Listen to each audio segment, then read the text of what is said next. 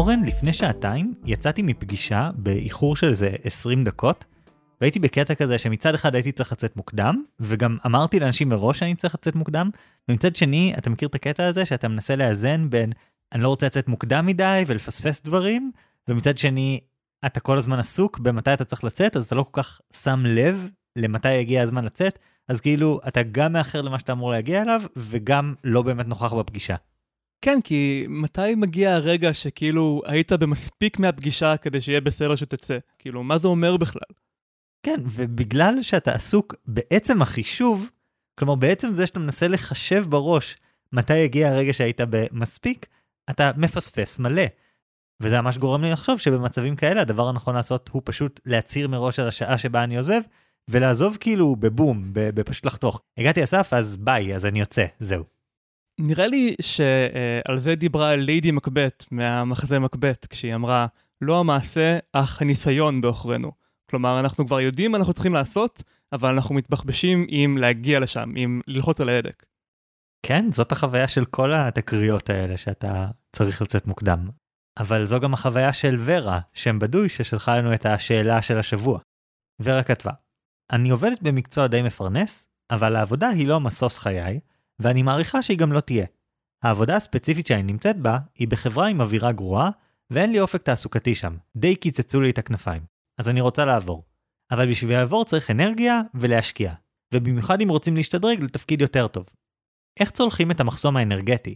איך מוצאים מוטיבציה בשביל לחפש עבודה אחרת, כשמלכתחילה לא כזה אוהבים לעבוד, ואת השטן הנוכחי אני לפחות מכירה. נאבקת עם זה כבר חצי שנה, ומתקדמת בצעדי תינוק מביכים. מצד אחד ברור לי שאני צריכה לעבור למקום חדש כדי להתפתח, ובשביל סיכוי למצוא מקום שיהיה לי בו נחמד, מצד שני אני יודעת שבמקום חדש אצטרך להקדיש המון משאבים, ושזה יהיה פול גז בניוטרל, כי רוב הסיכויים שזה יהיה שיפור מינורי אם בכלל, והרי עבודה היא לא משוש חיי.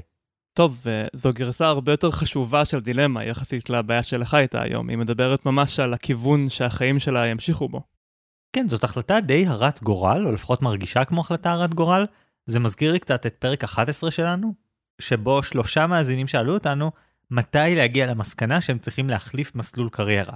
עכשיו, ורה לא שואלת אותנו על מסלול קריירה, אלא על מקום עבודה, למרות שאני מנחש שזה טומן בחובו את האופציה להחליף קריירה, אבל בעוד שמי ששאלו אותנו אז, אה, איתי ומיכל, שאלו אותנו על מתי הגיע הזמן להחליף, כלומר מתי יודעים שהגיע הזמן, ורה מתארת מצב שבו היא יודעת שהגיע הזמן, היא כבר הגיעה למסקנה הזאת, אבל עכשיו היא צריכה לעשות את הצעד הבא, ונורא קשה לעשות את הצעד הבא הזה. כן, יש הבדל בין לדעת ברמה השכלית, לבין ממש להרגיש את זה בצורה שתיתן לך את הכוח לבצע. בדיוק, כלומר, אני ידעתי מתי לצאת מהפגישה, ידעתי שאני צריך לצאת מהפגישה בשעה אחת בצהריים, אבל פשוט לא יכולתי, פשוט היה קשה להתניע את הפעולה הזאת. אני ממש מקבל את מה שוורה אומרת על המחסום האנרגטי, על זה שכאילו יש איזה מתח כזה שאתה חייב לשבור אותו ורק אז אתה תוכל לצאת החוצה. אני גם מאוד מתחבר לדימוי הזה של מחסום אנרגטי, אה, אז אני לקחתי מודל מהכיוון של פיזיקה, לדעתי להחליף מקום עבודה זה כמו פצצת אטום. ואני חושב שלהחליף מקום עבודה זה כמו פוטנציאל פעולה של נוירונים. אטומים מול נוירונים. היחידה של החומר מול היחידה של המחשבה. אני חושב שיש לי יתרון מבנה, אז ניתן לך להתחיל.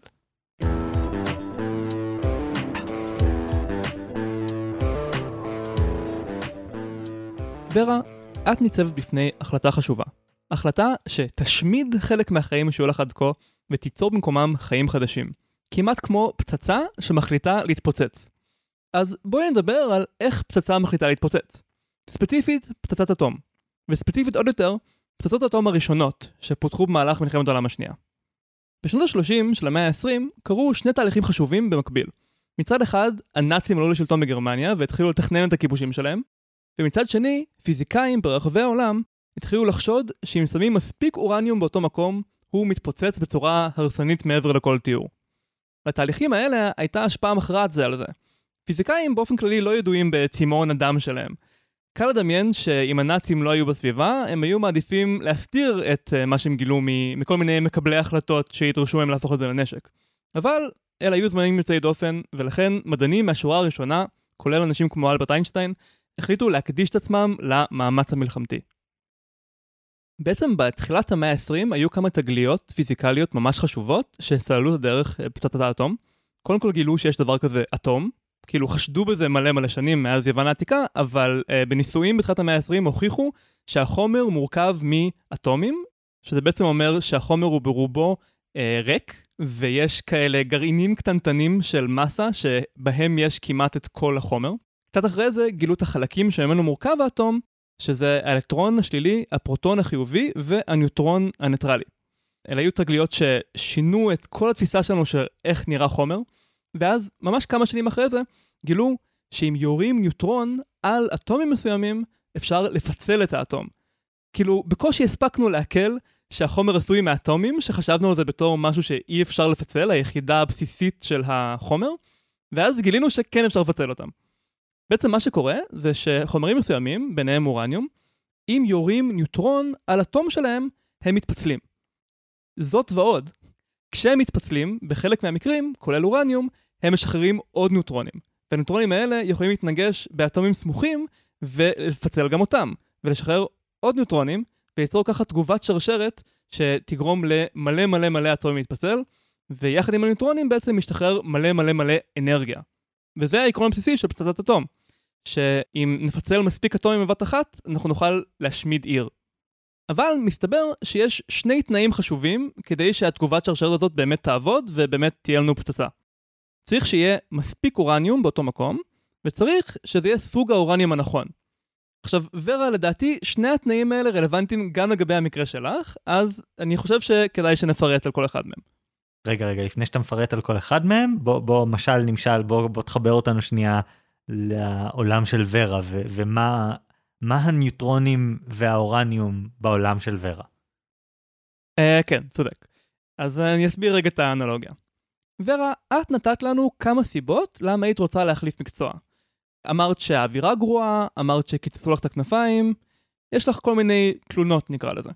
הפגמים האלה בעבודה הנוכחית הולכים ומצטברים אצלך בראש, כמו ערימה של אורניום, שמוסיפים לה עוד ועוד אורניום. אבל עד כה עדיין לא היה פיצוץ. יש כבר ערימה רצינית של אורניום, וזה מרגיש כאילו כבר היה אמור להיות פיצוץ שיעיף אותך לעבודה אחרת, מקצוע אחר. אבל זה עוד לא קרה. אז בעצם אני רוצה לעזור לך לקחת את החומר גלם הזה שיש לך ולבנות ממנו פצצת אטום. אז כן, אמרתי שיש שני תנאים כדי שזה יעבוד. אז דבר ראשון, צריך מספיק אורניום. זה מה שקוראים לו מסה קריטית.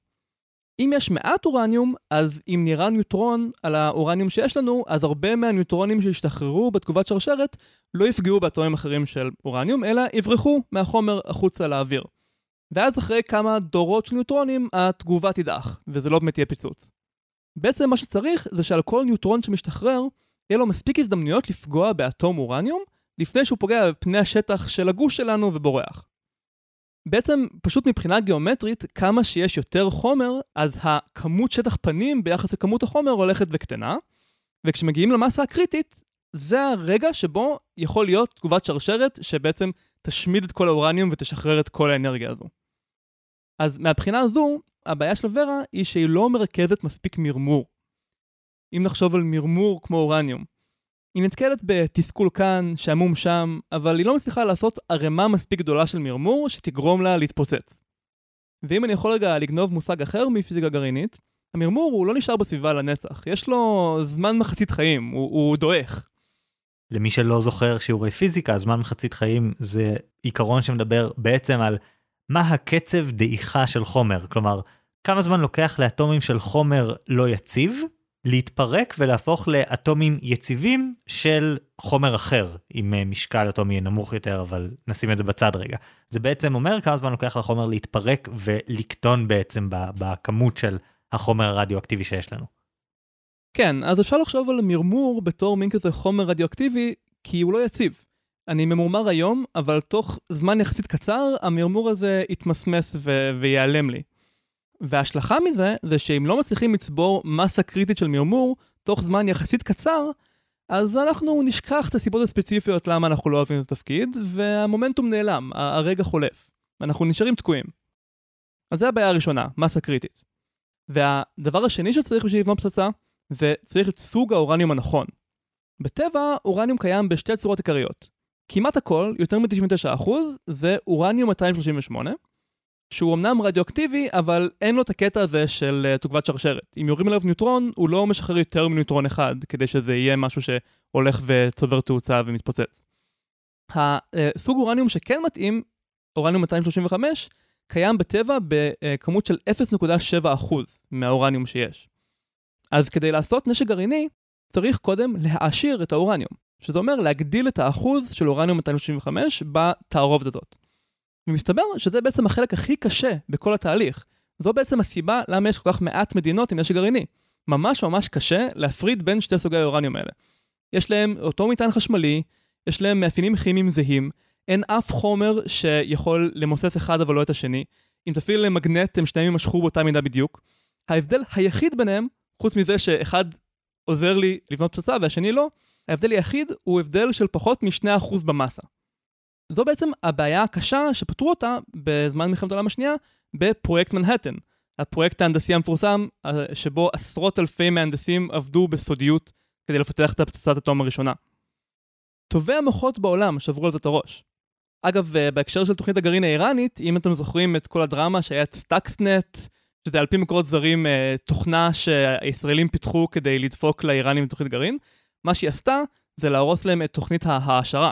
ספציפית היה להם צנטריפוגות, והתוכנה הזאת גרמה להם להסתובב מהר מדי ולהשמיד את עצמם. תכלס, ברגע שיש לך את האורניום המועשר, אז משם ועד לפצצה זה, זה די פשוט, זה אה, הנדסה די בסיסית. אז אתה מדבר פה על העשרת מרמור, אם אני מבין נכון? אתה, אתה רוצה מרמור מועשר. כן, אני הולך להמשיך להתעקש על המטאפורה הזאת. לוורה יש מרמור שמצטבר, אבל היא לא הצליחה להעשיר אותו. ומרמור מועשר, אני אומר, זה מרמור שמופנה בצורה ברורה כלפי המקצוע שאת רוצה לעזוב, וששייפת אותו מספיק כדי שהוא באמת יכעיס אותך, ובאמת ידרבן אותך לעזוב. זה מרמור בלי תירוצים, בלי אולי זה גם אשמתי, בלי יש דברים גרועים יותר. וכמו שקשה להעשיר אורניום, גם להעשיר מרמור זה עבודה. זה לא משהו שקורה מעצמו. באופן טבעי אנחנו נוטים לרכך את עצמנו, כי זה גם, זה גם כואב, המרמור הזה הוא, הוא יושב עלינו.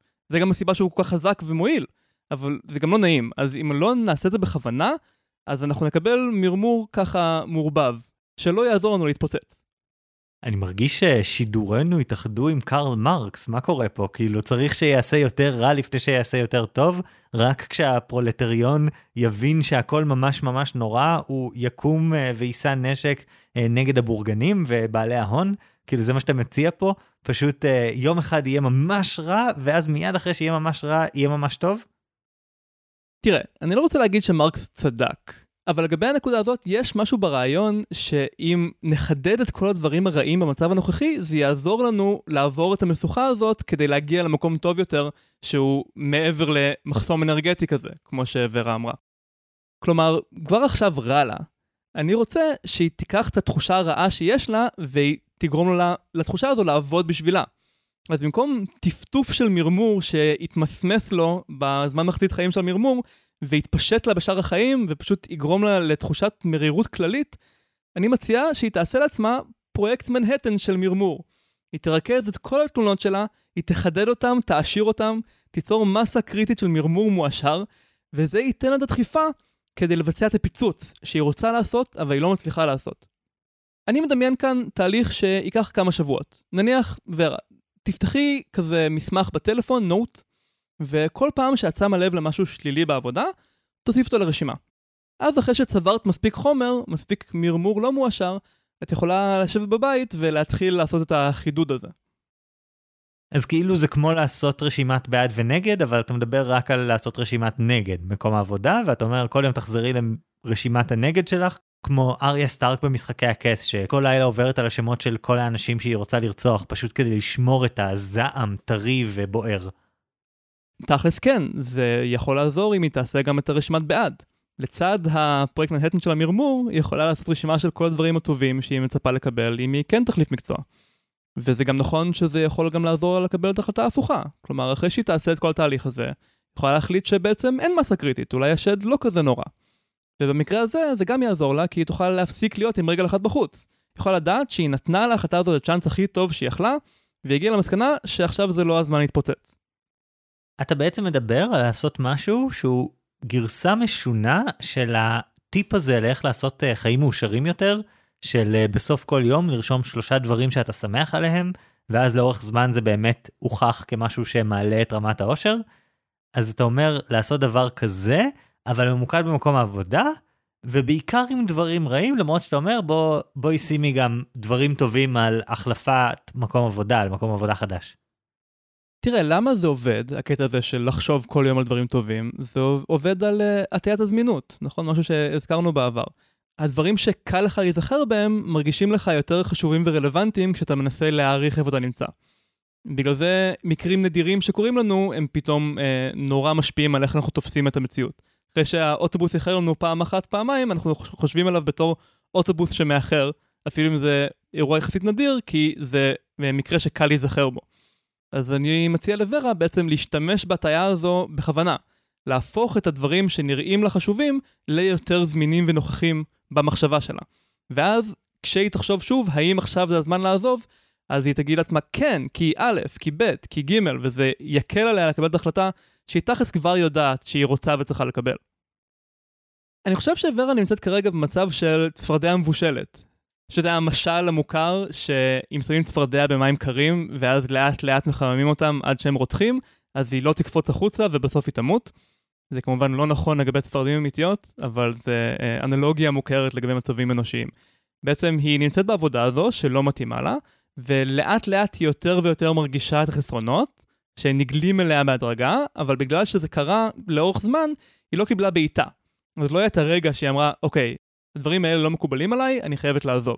אז היא, היא בעצם התבשלה, כמו צפרדע דמיונית. ואני מציע לה לחזור אחורה, לאסוף את כל הדברים האלה, ולתת לעצמה את הבעיטה. אני עדיין חושב שאתה לוקח את זה למקום מאוד מאוד uh, כואב ומאוד מאוד אלים. כלומר באיזשהו מקום אתה מציע לוורה להרע את תנאי החיים שלה עד שבתקווה היא תגיע למצב שזה יביא אותה לפעול. ואני חושב שאתה מפעיל עליה המון לחץ. כלומר, אתה מגדיל באיזשהו מקום את המחיר של לעבור. אתה הופך את המעבר לחוויה יותר קשה ממה שהיא כבר עכשיו, ואני חושב שזה תמריץ מאוד חזק לא לעבור אם היא תלך עם הגישה שלך. שמע, אם נחזור רגע לפרויקט מנהטן, הרבה מהפיזיקאים שהשתתפו בפרויקט הרגישו מאוד אמביוולנטים לגביו.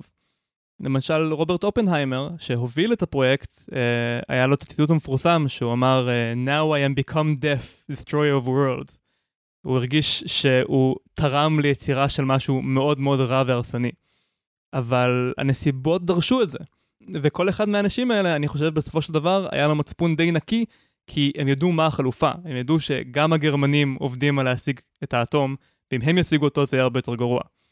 יש מצבים שבהם הדבר הכי טוב שאפשר לעשות הוא משהו שהוא מאוד לא נעים. אבל כשאתה מסתכל על uh, מכלול האופציות, אז זה הדבר הכי פחות גרוע. אז גם לך בעצם, ורה, אני מציע תוכנית שהיא כן, לא נעימה, אבל היא תוביל אותך בסוף לתוצאה טובה.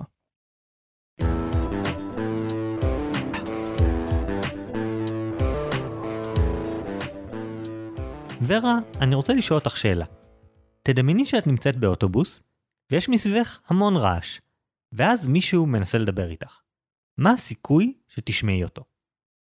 לכולנו ברור שהתשובה לשאלה הזו תלויה בעוצמה של הדיבור של מי שמנסה לדבר איתך.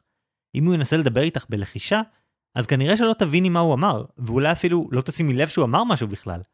אם הוא יצעק, אז כנראה שתשמעי, אבל יכול להיות שגם כל שאר האנשים באוטובוס ישמעו, ויהיה לא נעים. אבל מה הסף שבו תשמעי אותו? השאלה הזו היא שאלה ותיקה מאוד בפסיכולוגיה, והיא הייתה אחת השאלות ששניים מחלוצי התחום של פסיכולוגיה ניסויית בעולם ניסו לענות עליה. הרופא הגרמני ארנסט היינריך ובר, ומייסד תחום הפסיכופיזיקה, גם גרמני, גוסטב תיאודור פכנר, שהיה פיזיקאי בהכשרתו, עסקו בדיוק בשאלה הזו באמצע המאה ה-19. הניסויים שובר עשה בנושא הזה הם ניסויים ממש פשוטים. ובר נתן לאנשים חופן של משקולות קטנטנות כאלה, בכל יד משקל קצת שונה. ואז הוא שאל אותם, תגידו באיזה יד יש יותר משקל, באיזה יד אתם מחזיקים משקל גדול יותר. ואז נגיד הוא גילה שאנשים מסוגלים להבחין בין 200 גרם ל-220 גרם. אבל הם לא מסוגלים להבחין בין 200 גרם ל-210 גרם. הקריטריון למתי זה מסוגלים להבחין, זה מתי אנשים אשכרה מסוגלים לזהות נכון את ההבדל יותר מ-50% מהזמן, כלומר יותר טוב מניחוש. אז על פניו היינו מסתכלים על התוצאות האלה ואומרים שהידיים שלנו מסוגלות להבחין בהבדלים של 20 גרם, נכון? כי 210 לעומת 200 לא מבחינים, 220 לעומת 200 כן מבחינים, אז מודדים את זה ובסופו של דבר מוצאים שזה 20 גרם, נכון? אבל לא, זה ממש לא המצב. כי אם מנסים את זה שוב עם משקל התחלתי של 400 גרם, אז זה כבר לא עובד. אם אני שם לך ביד אחד משקלות ושל 400 גרם וביד השנייה משקלות של 420 גרם, אתה לא באמת תדע מה יותר כבד. מתי כן? אתה מצליח להבין כאשר ההפרש הוא 40 גרם. כאשר ביד אחת יש לך משקולות במשקל של 400 גרם, וביד השנייה משקולות של 440 גרם. ובר קרא לעיקרון הזה Just Noticeable Difference, ההבדל שבדיוק ניתן להבחין בו. וכאן נכנס לתמונה גוסטב פכנר, שהגדיר מסביב לזה את חוק ובר, או חוק ובר-פכנר, שאומר שגודל ההבדל המינימלי שהמערכת החושית שלנו יודעת להבחין בו, הוא לא משהו אבסולוטי כמו 20 גרם, אלא משהו יחסי. לצורך העניין, במשקל, ההפרש הזה הוא בערך 8 10 אחוז. כדי שנוכל לזהות הבדלים בין שני משקלים שאנחנו מחזיקים ביד שלנו, צריך להיות הבדל של לפחות 8 עד 10 אחוז בין המשקל הנמוך למשקל הגבוה יותר. טוב, זה בעצם לא מפתיע, הרי בחדר חשוך, אם מישהו ידליק נר, זה יראה לנו כמו שינוי דרמטי. למרות שבחדר מואר, אותו נר שמפיץ את אותה כמות אור, אנחנו בכלל לא נרגיש בהבדל. בדיוק, וזה הדבר שפכנר עשה, הוא לקח את הגישה הזאת והכליל אותה להרבה תחומים שונים. לשמיעה, לראייה, לטמפרטורה, לעוד כל מיני מקרים כאלה. והוא מצא שיש את הקבוע הזה. עכשיו, קוראים לזה קבוע ובר, אבל זה לא באמת קבוע קוסמי, כן? זה לא תמיד 8 עד 10 אחוז. הקבוע הזה משתנה בהתאם לכל מיני תנאים, כמו הסביבה שבה אנחנו נמצאים, המוטיבציה שלנו, כמה אנחנו ערים ומפוקסים, אבל יש פה עיקרון פשוט. המערכת החושית שלנו צריכה הבדל יחסי משמעותי כדי לשים לב שמשהו השתנה. בעצם מתחבר למה שאמרתי על הצוודה המבושלת. אם יהיה לנו עבודה טובה, ואז היא פתאום תהפוך לממש גרועה, אז אנחנו נרגיש את זה, אבל אם זה יקרה בצעדים, שכל צעד הוא נניח 2-3 אחוז, ולא מספיק כדי לעבור את הרף היחסי, אז אנחנו יכולים למצוא את עצמנו כעבור זמן במצב ממש גרוע, בלי שהרגשנו. כן, בדיוק. אנחנו לא שמים לב להבדלים קטנים, אנחנו כן שמים לב להבדלים שעוברים איזשהו סף, ואולי נראה שאני בעצם מחזק את המודל שלך, אבל לא. אני, אני עוד רגע אגיע לזה, אבל אני רק רוצה לתת דוגמאות לכל מיני השלכות של חוק ובר, שאחת מהן שאני ממש ממש אוהב, זה שהסיבה שיש לנו תחושת זמן סובייקטיבית כל כך שונה כשאנחנו צעירים לעומת כשאנחנו מבוגרים, היא בגלל חוק ובר. כלומר, תחשבו לרגע כמה אינסופית הרגישה כל שנה בבית ספר כשהייתם בכיתה ו', לעומת המהירות שבה שנה עוברת עבורכם כיום. וזה בדיוק חוק ובר. פשוט כי שנה אחת עבור אורן ועבורי היא קצת יותר מ-3% מהזמן שבו אנחנו חיים, אבל בשביל ילד בן 11 מדובר על 10%, ולכן עבור ילד בן 11 זה הרבה יותר מורגש. אבל טוב טוב, אני אחבר את זה לסיפור של ורה. ורה, אני לא מסכים עם אורן, אני לא חושב שמה שאת מתארת זה חוסר במוטיבציה. מוטיבציה שלא הגיעה לסף הקריטי שאורן דיבר עליו. אני חושב שאת מתארת עודף בחרדה. את מתארת מצב שבו נורא קשה לך לפעול, וזה נורא מובן. זה נורא מפחיד לפעול במצב כזה, יש המון סיכונים. לומר שאת מתפטרת זאת פעולה הרת גורל, יש בה מלא אי ודאות, וכל פעם שאת מתקרבת אפילו לכיוון הזה, זה מקפיץ לך את החרדה. זה מדליק לך את מנגנון החרדה. אוקיי, okay, אז אתה בעצם אומר שהיא צריכה לבשל לעצמה את הצפרדע מהכיוון השני. כלומר, להתקדם לעבר ההחלטה בצורה שלא תקפיץ לה את החרדה יותר מדי באף רגע אחד. בדיוק. זה בדיוק העניין. תחשבי על החרדה שלך כמעין גלאי חושי, משהו שעובד באיזשהו מקום כמו כל שאר החושים שלך שעובדים לפי חוק ובר. כמו שהעיניים שלך מנסות לשים לב להבדל בין אור לחושך, כך גלאי החרדה שלך מנסה לזהות האם מה שקורה כרגע הוא מצדיק חרדה. ומהרגע שהגעת לסף מסוים, אז המערכת כולה נדלקת. אגב, זה מסתדר עם הרבה דברים אחרים שאנחנו יודעים על המערכת הנוירולוגית שלנו. אה, נוירונים במוח כדי שהם אשכרה יתחילו לראות, הם צריכים לקבל אינפוטים מהרבה נוירונים אחרים, ורק כשהאינפוט הזה עובר איזושהי נקודת סף, רק אז מתחיל מה שנקרא פוטנציאל פעולה, שזה בעצם האופן שבו נוירון מעביר מסרים לנוירונים אחרים. ומה שזה יוצר זה שהנוירון הזה יכול לקבל המון המון המון אינפוט, אבל כל דבר שנמצא מתחת לסף הפעלה, פשוט לא מפעיל את הנוירון, לא גורם לו לראות. כל דבר שנמצא מעבר לסף ההפעלה, מייצר פוטנציאל פעולה באופן מיידי. ואם לחזור חזרה לגלאי החרדה הזה, אז אני אגיד שכל דבר שלא עובר את הסף של גלאי החרדה, אז הוא לא רלוונטי לחרדה הזאת. כלומר, את יכולה להכניס כמה גורמים שאת רוצה מתחת לסף הזה, והם לא יגרמו לך לתגובה החרדתית של לברוח ולהפסיק, אה, כל עוד את לא עוברת את הסף הזה. בכל פעם שאת פועלת לכיוון לעזוב את מקום העבודה, המוח שלך מתחיל עם איתותי אזהרה. זה מפחיד, זה לא כדאי, זה לא דחוף, המצב לא כזה גרוע, תעצרי עכשיו, ולכן את לא עושה את זה, ואת מרגישה שאת צריכה המון אנרגיה כדי להתחיל את התהליך של לעבור מקום עבודה. אז אני מציע לשחק עם זה, לחפש כמה את יכולה לפעול בלי להפעיל את מנגנון החרדה. טוב, אני ממש אוהב איך שהמודל שלך הוא בעצם סוג של מראה מעוותת של המודל שלי. אני מנסה לעזור לה לצבור יותר ויותר גירויים כדי שהיא תעשה משהו, ואתה רוצה בעצם שהיא תימנע מלהרגיש את אותם הדברים שאני רוצה שהיא תרגיש כמה שיותר. אבל מה שאני לא מבין זה איך היא בדיוק אמורה לעבור עבודה או לעבור מקצוע בלי לשים לב. באיזשהו שלב צריך uh, לקבל את ההחלטה, צריך להגיש מכתב התפטרות, צריך לחזור ללימודים, צריך לקבל החלטות דרמטיות שאני לא רואה איך אפשר למרוח אותן לאורך זמן ככה שהיא לא תדע שזה קרה. אז פה אני אפנה למשהו שכתב ג'ף בזוס, הבעלים של אמזון, במכתב לבעלי המניות של החברה בשנת 2016. הוא כתב על זה שיש המון החלטות שהן דו-כיווניות, two-way door decisions. כלומר, אלה החלטות שאפשר להפוך, שזה כמו דלת שאתה יוצא ממנה, אבל אתה יכול לחזור חזרה. ומה שבזוס אמר במכתב הזה, זה שעל החלטות כאלה חבל לבזבז זמן, כי המחיר של טעות הוא ממש ממש קטן. לעומת זאת, יש החלטות חד-כיווניות, one-way door decisions, שאלה החלטות שעליהן בהחלט כדאי להתעכב. עכשיו, איך זה מתקשר למה שוורה צריכה לעשות? בספר How to Decide, שחקנית הפוקר והדוקטור לפסיכולוגיה, אני דיוק, התייחסה לקונספט הזה, שמיוחס אגב גם למייסד של קבוצת וירג'ן, ריצ'רד ברנסון, ואני דיוק הציע דרך יצירתית להשתמש בו.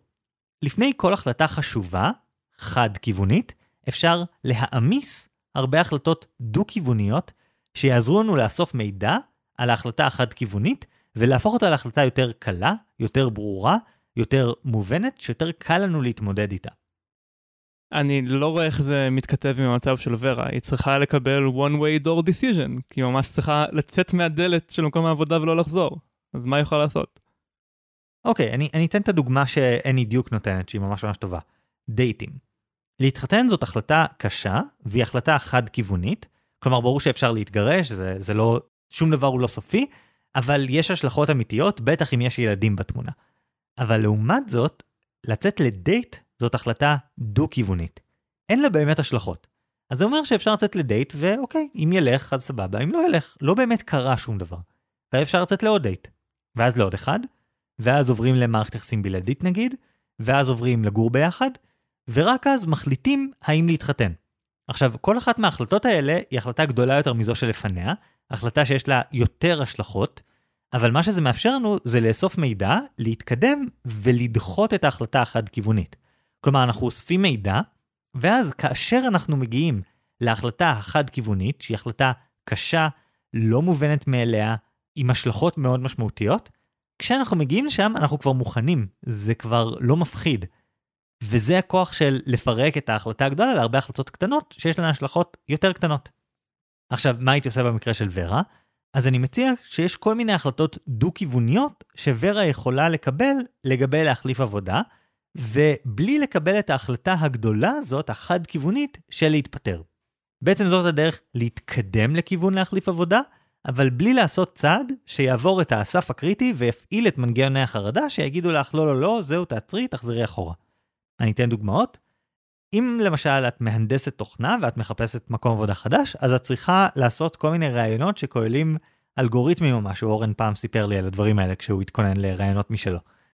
כן, כשאני חיפשתי עבודה, אז חזרתי לספר מהתואר. האמת היא שהמלצתי למאזינים שלנו על הספר הזה, ספר האלגוריתמים, ותכלס קראתי אותו מחדש מכריכה לכריכה, כי אה, ראיון בהנדסת תוכנה דורש יכולות די שונות מאשר להיות מהנדס תוכנה, אז אה, זה באמת אה, דרש ממני קצת אה, לחזור לבית הספר. בדיוק, אז את יכולה לעשות את זה, להתכונן, אבל לא לקראת ראיון ספציפי. את יכולה לעשות את זה סתם ככה, אולי לעשות פגישות עם חברים על הנושא הזה בלי מטרה ספציפית. אולי את יכולה פשוט לעשות חיפוש באתרים שמציעים משרות.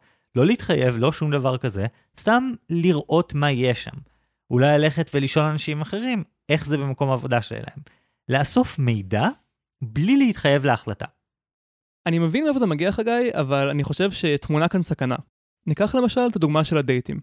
יש מלא סיפורים על זוגות שבאמת עשו את זה, יצאו לדייט, יצאו לעוד דייט, עברו לגור ביחד, ואז בסוף הם התחתנו, אבל לא בקטע טוב, בקטע של, טוב, אנחנו כבר גרים ביחד, אז נתחתן, זה קל יותר, למי יש כוח לעבור דירה עכשיו.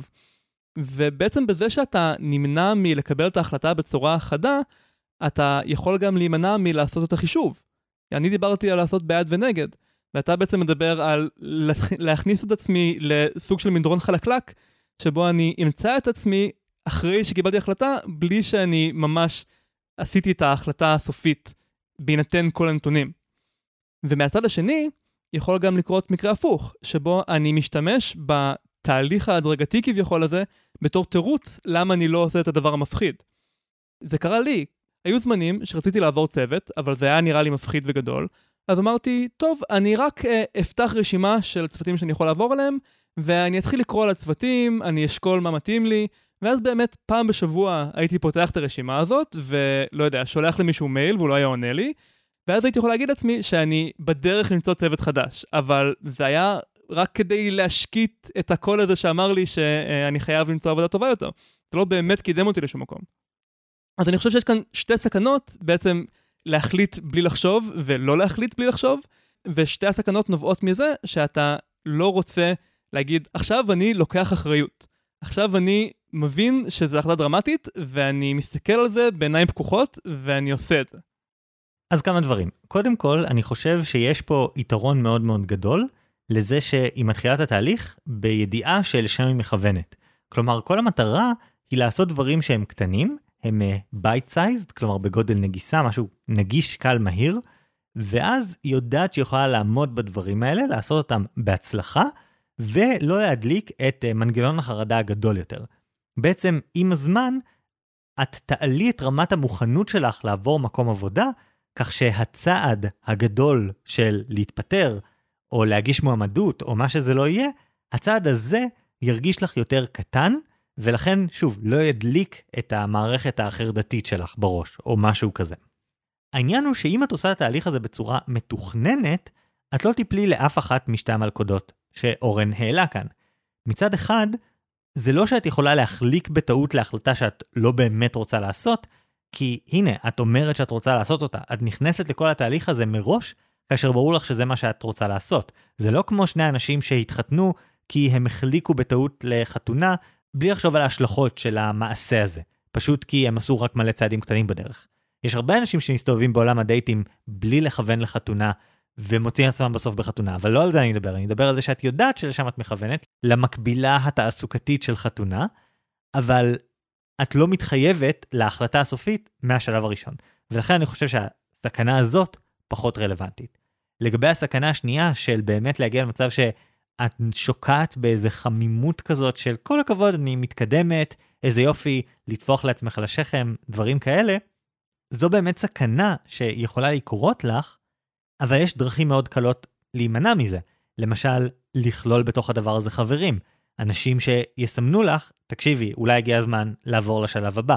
שהם מדי פעם מזכירים לך שאת בתוך התהליך הזה, ושאת לא עושה את התהליך לשם התהליך, אלא שאולי הגיע הזמן לקבל את הדחיפה הזאת. הם יעזרו לך uh, לעבור מעבר לקצה uh, ברגע האמת כשתהיי מוכנה. אבל עם שני הדברים האלה את יכולה לכסות את uh, כל הבסיסים, תוך כדי שאת מטפלת בבעיה העיקרית מנקודת המבט שלי, שהיא זה שוואלה, זאת החלטה מאוד מאוד מלחיצה, מאוד מאוד מעוררת חרדה. אז ורה, אני לא מסכים עם אורן שלא מספיק רע לך. אני חושב שאולי רע לך ופשוט נורא מפחיד לעשות את הצעד הזה. אני מבין אותך, זו באמת החלטה מפחידה. אבל בסופו של דבר, אם תטפלי בחרדה, אם תמצאי את הדרך להוריד את מפלס החרדה, לעשות צעדים קטנים לכיוון ההחלטה החשובה הזאת, לפרק את ההחלטה הגדולה הזאת להרבה החלטות קטנות שאת יכולה לבצע כבר היום ומחר, בסופו של דבר, כשתגיעי לגשר, יהיו לך את כל הכלים שאת צריכה כדי לחצות אותו, בלי לחשוש שאולי תיפלי.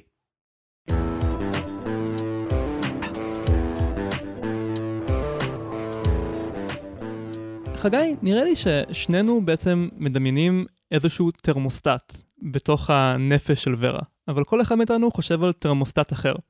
אני חושב על תרמוסטט המרמור, או תרמוסטט הנחישות לעזוב, שכשוורה תרגיש שהגיעו מים עד נפש במקום הנוכחי, זה יפעיל אותה כדי שתצא ותעזוב. ואתה מדבר על איזשהו תרמוסטט של חרדה, שאם ורה תרגיש שהמצב הנוכחי מפחיד מדי, אז זה ימנע ממנה לפעול והיא תיסוג חזרה לסטטוס קוו. אני מתאר את זה נכון? כן, זה נשמע לי ששנינו הגענו לאותו המודל, רק עם הנחות יסוד מאוד שונות לגבי איפה ורה נמצאת ומה הנמשל פה. והשאלה היא בעצם רק איך ורה רואה את זה, ובעצם איך המאזינים שלנו רואים את זה. מה בעצם החלק המהותי פה?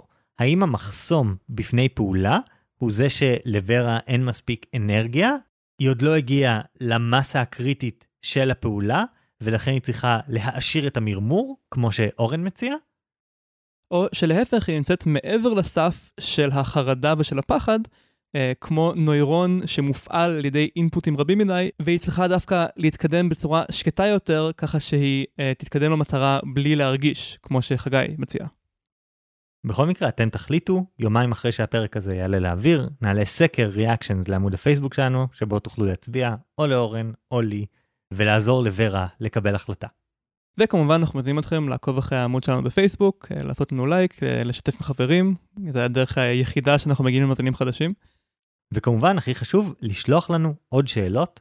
שאלות זה מה שגורם לנו לחפש מודלים חדשים ולקרוא על דברים כמו פצצות אטום ונקודות סף חושיות. עד אז, אני אורן ברנשטיין. אני חגי אלקיים שלם. ונתראה בפעם הבאה עם השפעות חדשות.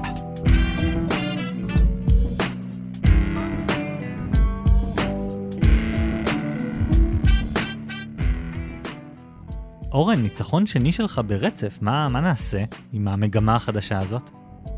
אם אתה רוצה אני יכול ללמד אותך, לתת לך שיעורים, להסביר לך מה הסוד שלי, איך אני מנצח כל פעם.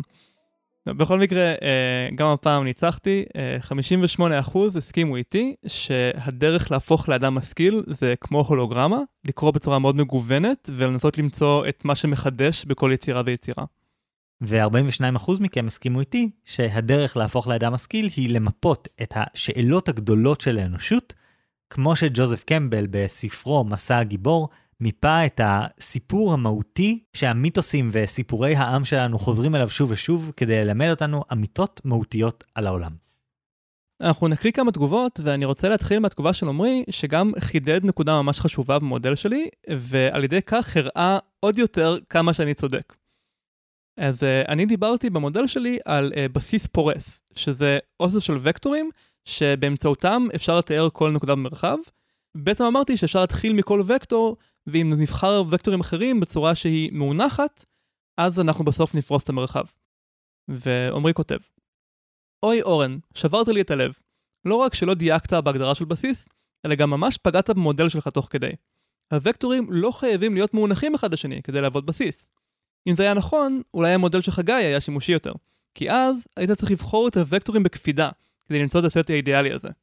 בפועל, הם רק צריכים להיות לא תלויים אחד בשני. תאורטית, אם תבחר שלושה וקטורים באקראי, הסיכוי שתגיע לקבוצה לא פורסת הוא אפס. זה בדיוק החוזק של המודל שלך.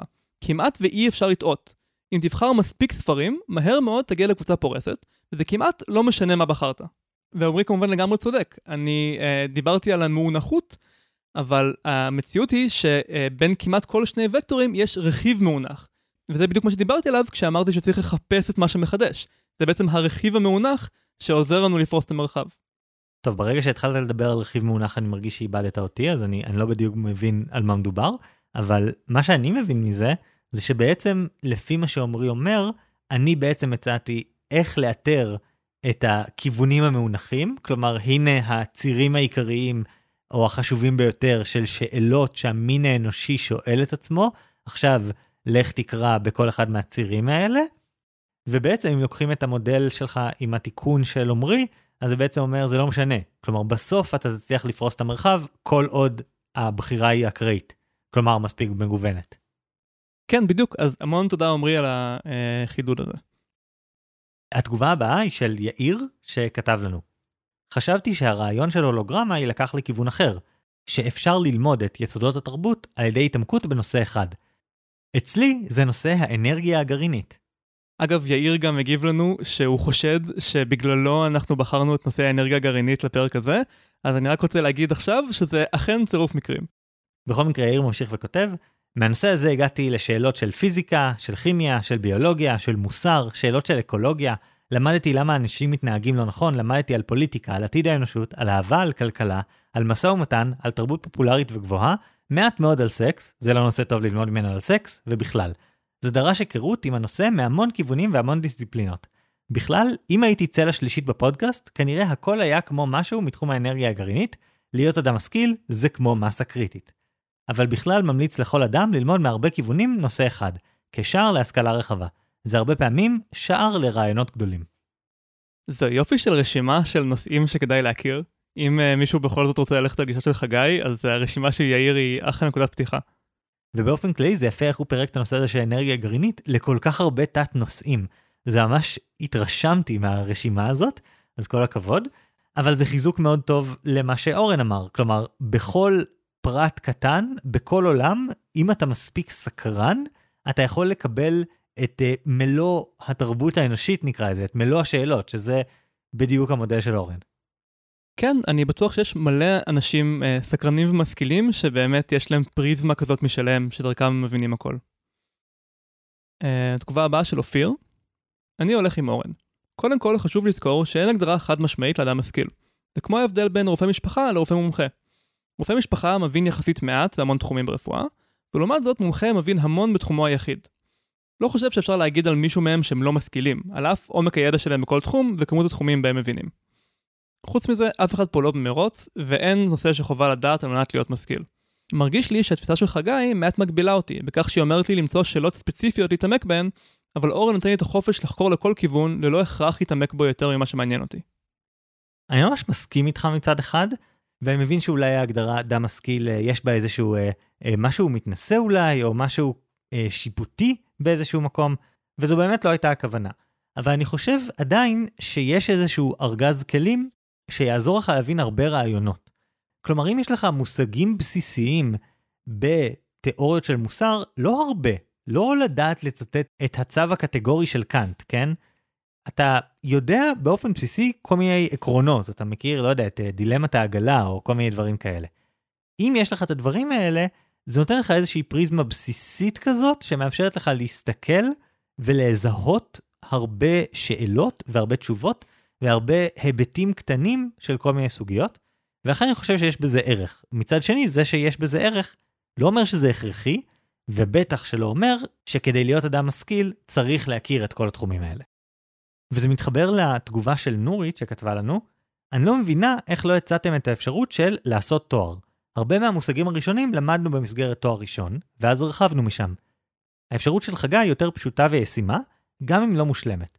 כל עוד לוקחים הכל עם קורטוב של מלח, ומקסימום אם רוצים קוראים אחר כך ביקורות על, זו נקודת פתיחה מעולה. אז הצבעתי לחגי.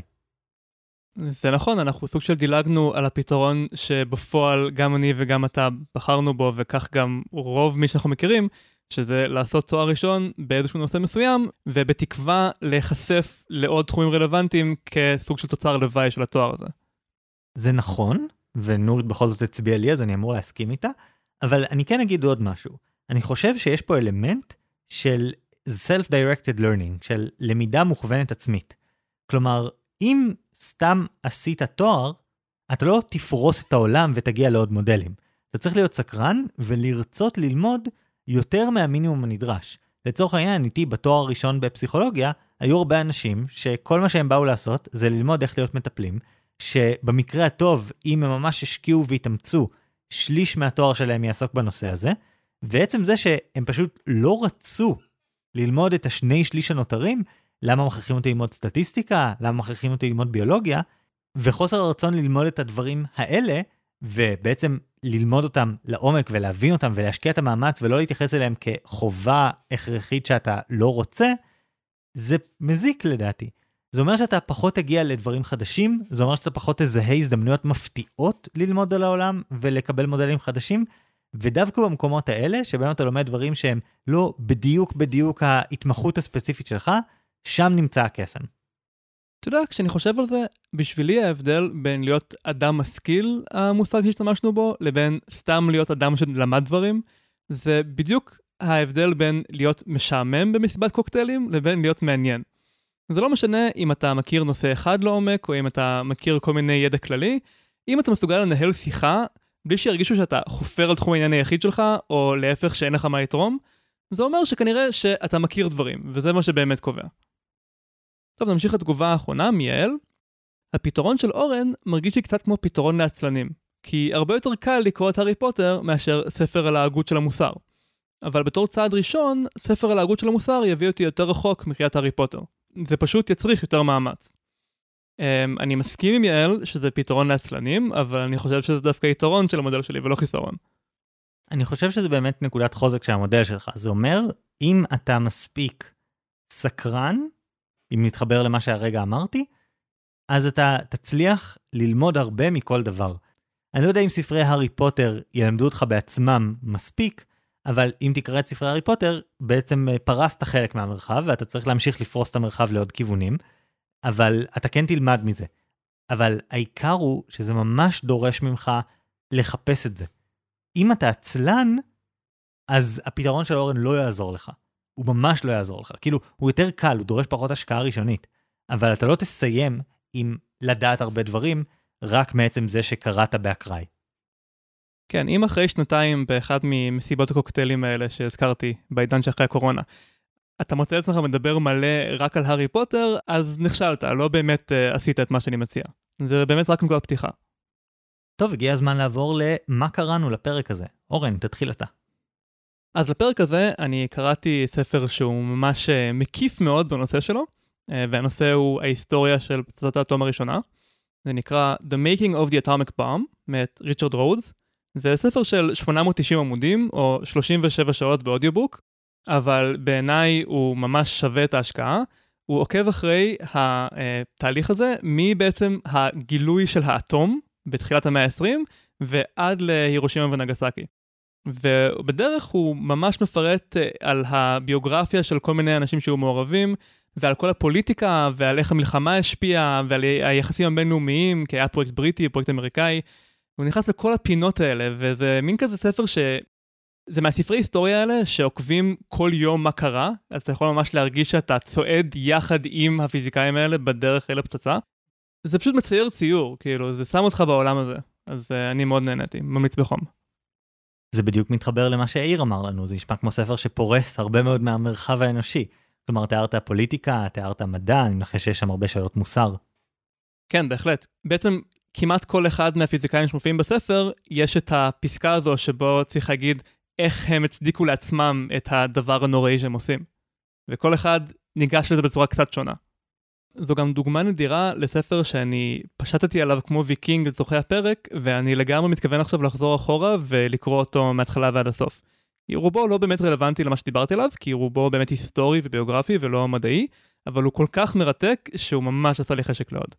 Uh, ספציפית לגבי מה שדיברתי עליו של למה קשה להשאיר אורניום, אני גם ממליץ על סרטון יוטיוב קצר של 4 דקות, שבו uh, מהנדס מסביר על האתגר ועל הדרכים השונות שמצאנו עד כה uh, להשאיר אורניום. כולל צנטריפוגה ועוד כמה דברים ששימשו בפרויקט מנהטן. אני רוצה להגיד גם שהנושא הזה של uh, מסה קריטית, זה נראה לי הנושא הראשון בערך שהכנסנו לקובץ ניהול תוכן שבו יש לנו את רשימת המודלים שמדי פעם אנחנו שולפים ממנה מודלים כדי לענות לשאלות. זה ממש אחד מהדברים הראשונים ואני ממש שמח שמצאנו דווקא פה את ההזדמנות להשתמש בזה. כן, זה גם מרגיש כל כך יומיומי לדבר על מסה קריטית, שזה מצחיק לחשוב שזה מגיע מתחום כל כך איזוטרי וכל כך חדש כמו פיזיקה גרעינית. כן, זה מוזר לחשוב שלפני 100 שנה לאנשים לא הייתה את היכולת להשתמש במושג הזה, כלומר, מעניין אותי באיזה מושג חלופי הם השתמשו עם בכלל. Uh, טוב, מה אתה קראת הפעם? אוקיי, אז בהקשר של חוק ובר ופוטנציאל פעולה של נוירונים וכל מיני דברים כאלה, האמת שאין לי מקור ממש טוב להפנות אליו, כי פשוט חזרתי לסיכומים שלי מהתואר הראשון. אה, יש כל מיני סרטוני יוטיוב שנשים קישור אליהם בהערות הפרק למי שמתעניין, ויש כמובן את הספר על איך עובדת המערכת הביולוגית שלנו, שקשה לי להמליץ עליו, זה ספר לימוד, אה, Physiology of Behavior של אה, ניל קרלסון.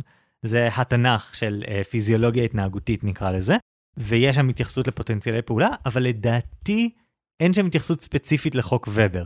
אז אני לא בדיוק בטוח לאן להפנות אתכם מהבחינה הזאת, אבל כאמור יש סרטון בהערות הפרק של כאן אקדמי שממש אפשר לראות הסבר מאוד ברור לאיך הדבר הזה עובד, גם מבחינה מתמטית.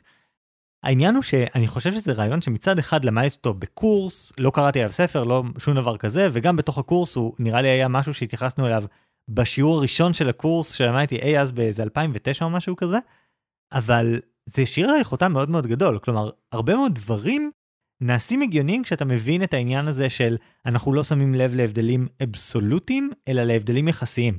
כלומר, גם היום, במחקר שלי על שחיתות של פוליטיקאים, יש השערות שנגזרות מחוק ובר. כלומר, יש השערות שאומרות, אנחנו נשים לב שפוליטיקאי מתנהג בצורה מושחתת, רק כאשר זה יעבור איזשהו סף שהוא הרבה מעבר לכמה שחשבנו קודם שהפוליטיקאי הזה מושחת. אני זוכר שאני נחשפתי לחוק ובר בהקשר לגמרי אחר, ששמתי לב שאני משתמש רק בתחום מסוים בווליום של הטלוויזיה, כי בהתחלה זה קפיצות ענקיות מכל רמה לרמה הבאה, ואז אה, אחרי רמה מסוימת זה מרגיש בדיוק אותו דבר, ויש רק תחום מסוים, אני זוכר זה היה בין המספרים כזה 10 ל-20, שבהם אני מרגיש כאילו לצעדים רלוונטיים בכלל לווליום של טלוויזיה. ואחרי זה הבנתי שזה בגלל שהווליום מתקדם לינארית, אבל השמיעה שלי מגיבה בצורה יחסית כזאת, אקספוננציאלית.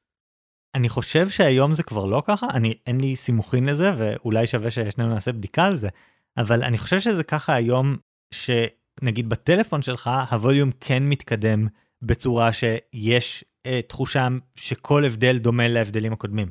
כלומר שכל מעבר של רמה הוא דומה למעבר, למעבר של הרמה הקודמת. בין 2 ל-3 זה בדיוק כמו בין 3 ל-4, כי אישית אני יודע שאני משתמש בכל הטווח של הסאונד של הטלפון שלי, בעוד שבטלוויזיה חד משמעית לא היה שום סיכוי שאני אשתמש בכל הטווח.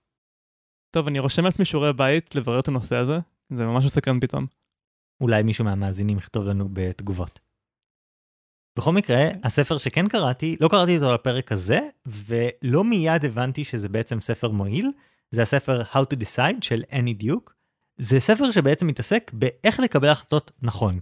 עכשיו, כשאני קראתי אותו, התגובה הראשונית שלי הייתה לא מאוד טובה, הרגשתי שהוא ספר קצת סתמי, אבל זה קשור לזה שהחצי הראשון או השליש הראשון או משהו כזה שלו עוסק בכל מיני עקרונות שאני מרגיש שפיליפ טטלוק כיסה בצורה יותר טובה בספר תחזיות על, שמדבר על איך אה, לחזות את העתיד, איך לטייב את האופן שבו אנחנו חוזים את העתיד וכן הלאה. והרגשתי שאין דיוק חוזרת על אותם עקרונות.